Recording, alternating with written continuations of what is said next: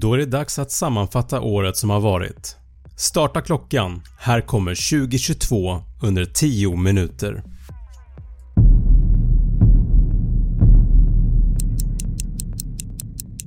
Vi börjar med lite covid-19 statistik och i början av januari har totalt 300 miljoner människor världen över smittats av viruset. Den första hjärttransplantationen från en genmodifierad gris till en människa lyckas i USA, patienten levde dock bara i cirka två månader efter ingreppet. Den svenske förintelseöverlevaren, författaren och föreläsaren Emmerich Roth avlider 97 år gammal och stormen Malek drar in över delar av Sverige och orsakar bland annat strömavbrott för tiotusentals hushåll.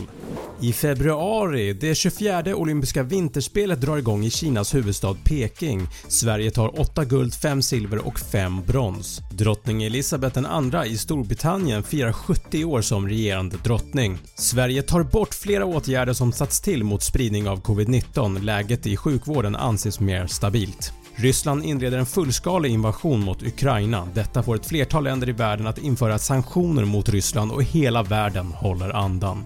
Hur kommer det här sluta? FNs klimatpanel publicerar en delrapport som visar att ett flertal konsekvenser av klimatförändringarna redan börjat att bli kännbara och det blir mer akut för länder att anpassa sina samhällen efter situationen.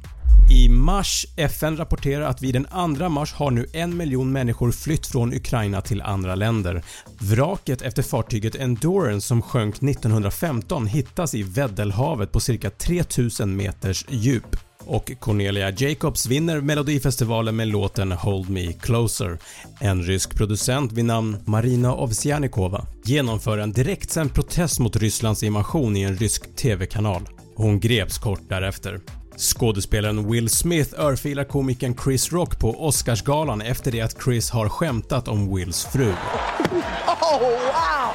Då går vi vidare till april och den 1 april klassas inte längre covid-19 som en samhällsfarlig sjukdom i Sverige. Nyamko Sabuni avgår som partiledare för Liberalerna och efterträds av Johan Persson, som för övrigt är 197 cm lång. Stora upplopp bryter ut runt om i Sverige när Rasmus Paludan reser runt i Sverige och bränner koraner. Cirka 300 poliser skadas i detta som senare blev känd som påskkravallerna. Emmanuel Macron blir omvald som Frankrikes president.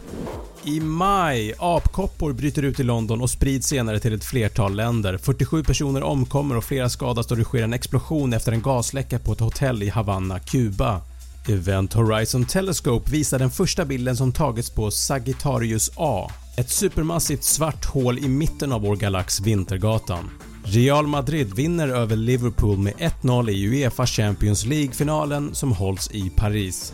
I juni cirka 1000 människor omkommer i provinsen Paktika i östra Afghanistan då en jordbävning inträffar. USAs högsta domstol upphäver den grundlagsskyddade aborträtten vilket ger delstaterna möjlighet att förbjuda abort när som helst under graviditeten och Riksbanken i Sverige höjer styrräntan med 50 punkter till 0,75% vilket är den största höjningen på över 20 år.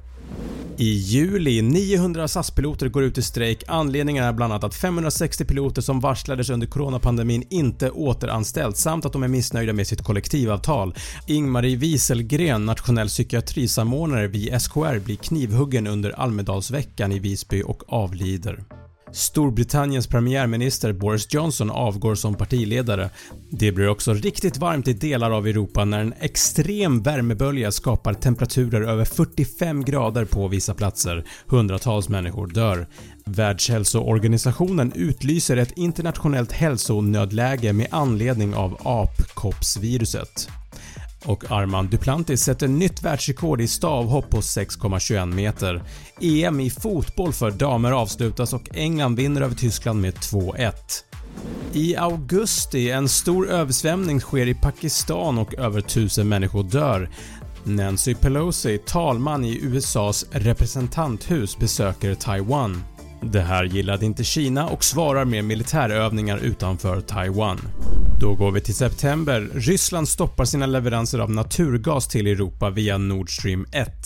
Liz Truss efterträder Boris Johnson som Storbritanniens premiärminister och drottning Elizabeth II av Storbritannien avlider vid 96 års ålder och efterträds av sin son Charles III, 74 år. Influensen Pontus Rasmusson, 24 år, hamnar i blåsväder efter Svenska Dagbladets podd Blenda. Pontus YouTube-kanal stängdes senare ner av YouTube. Det är också dags för val i Sverige och ett regeringsskifte sker.